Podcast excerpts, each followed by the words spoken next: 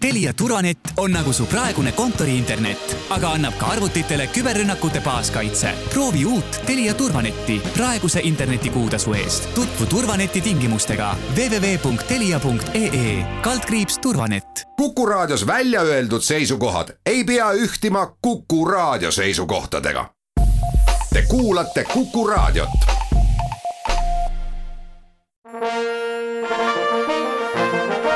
Vanemuise veerand. tere kõigile teile, head Kuku raadio kuulajad. tere, Vanemuise draamajuht, tere, Tiit Palu. tervitame siit maskide tagant. mina olen saatejuht Tiiu Rööp. Vanemuises on tulekul peredraama Marvini tütred. sa oled selle lavastaja, muusikaline kujundaja ja ma leidsin sinu nime ka osatäitjate hulgast, keda sa mängid? mina mängin äh, vanadekodu direktorit. päris nooruslik vanadekodu direktor.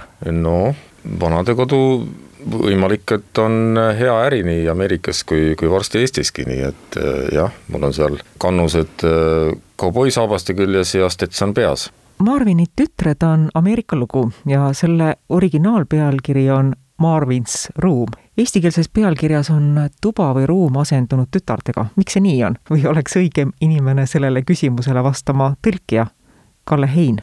Põhjus on selles, et äh, inglise keeles Marvini ruum, see ruum on palju laiatähenduslikum kui eestikeelne tuba.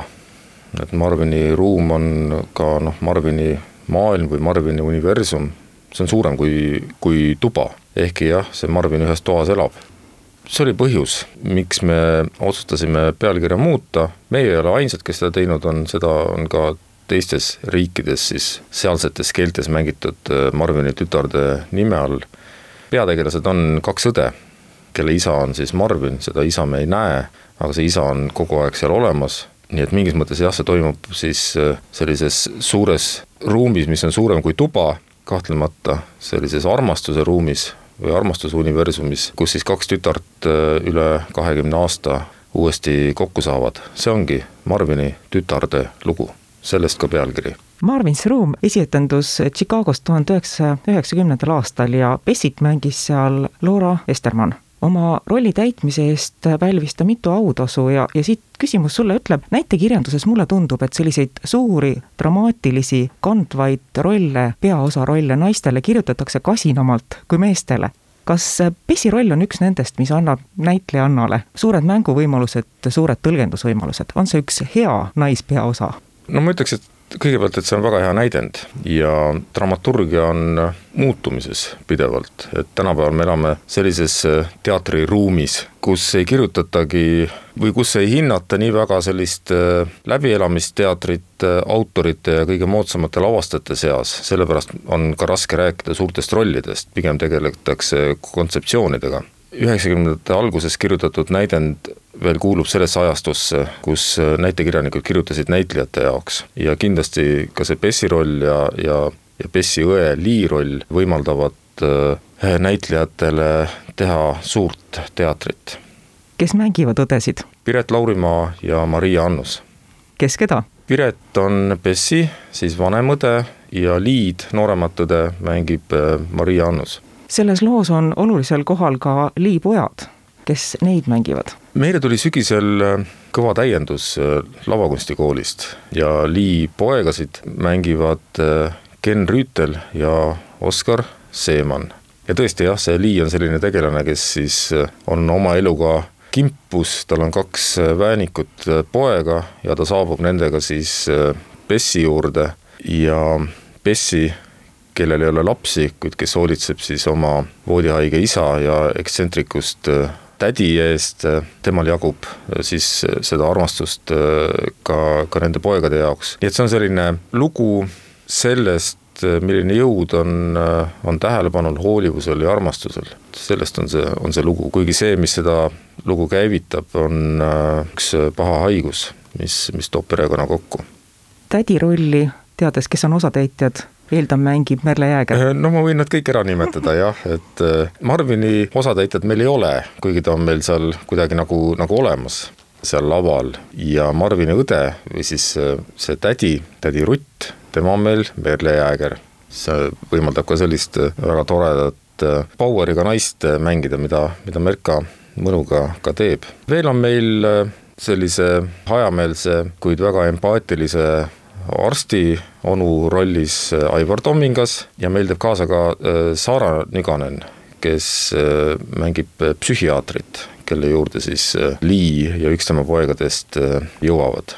Marvini tütarde muusikalise kujunduse tegid sa ise, valguskujunduse autor on Imbi Mälk, kunstnikutöö tegi Eugen Tamberg.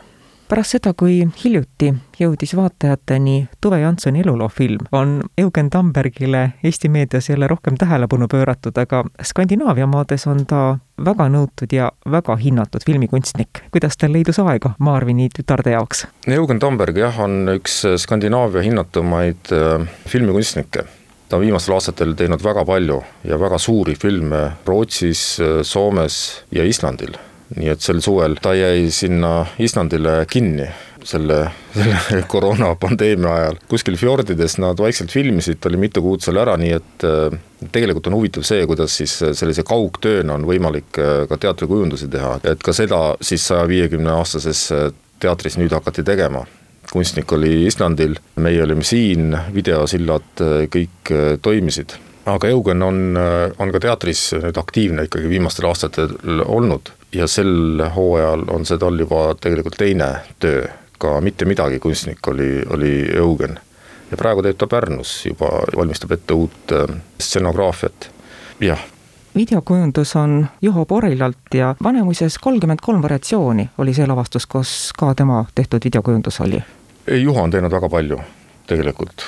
ta on ka väga tagasihoidlik inimene, et ega ta ennast ei push'i, aga ta tuleb alati appi ja teeb väga hästi. et jah, Juho, Juho jah, aga noh, see on tavaline, tavaline teatritöö, et on, tehakse videot, tehakse heli, tehakse valgust ja kui me teeme proove teatris, siis tegelikult me unustame ära, mis ümberringi toimub eriti praegusel ajal, mis ongi aastaaja mõttes kõige parem teatri tegemise aeg, sa lähed äh, teatrisse siis, kui on just valgeks läinud, pärast hommikust proovi lahkud teatrist siis, kui hakkab juba pimedaks minema ja õhtul, kui sa lähed teise proovi või lähed etendust mängima, siis juba on pime. Ja, ja nii sa elad ja, ja minu meelest see teater, mis alati on äh, väljast, on tuledes ja kuhu inimesed lähevad äh, noh, kuidagi elevil oleku ja, ja lahtise südamega. Ja siis seal üks lugu hakkab nende ees lahti rulluma et, et just see sügis ja, ja talv ongi, ongi jah, selline õige, õige teatriaeg. aga jah, praegusel ajal tõesti, et tehes teatrit, kus me ikkagi omaette olles äh, teeme seda ilma maskideta,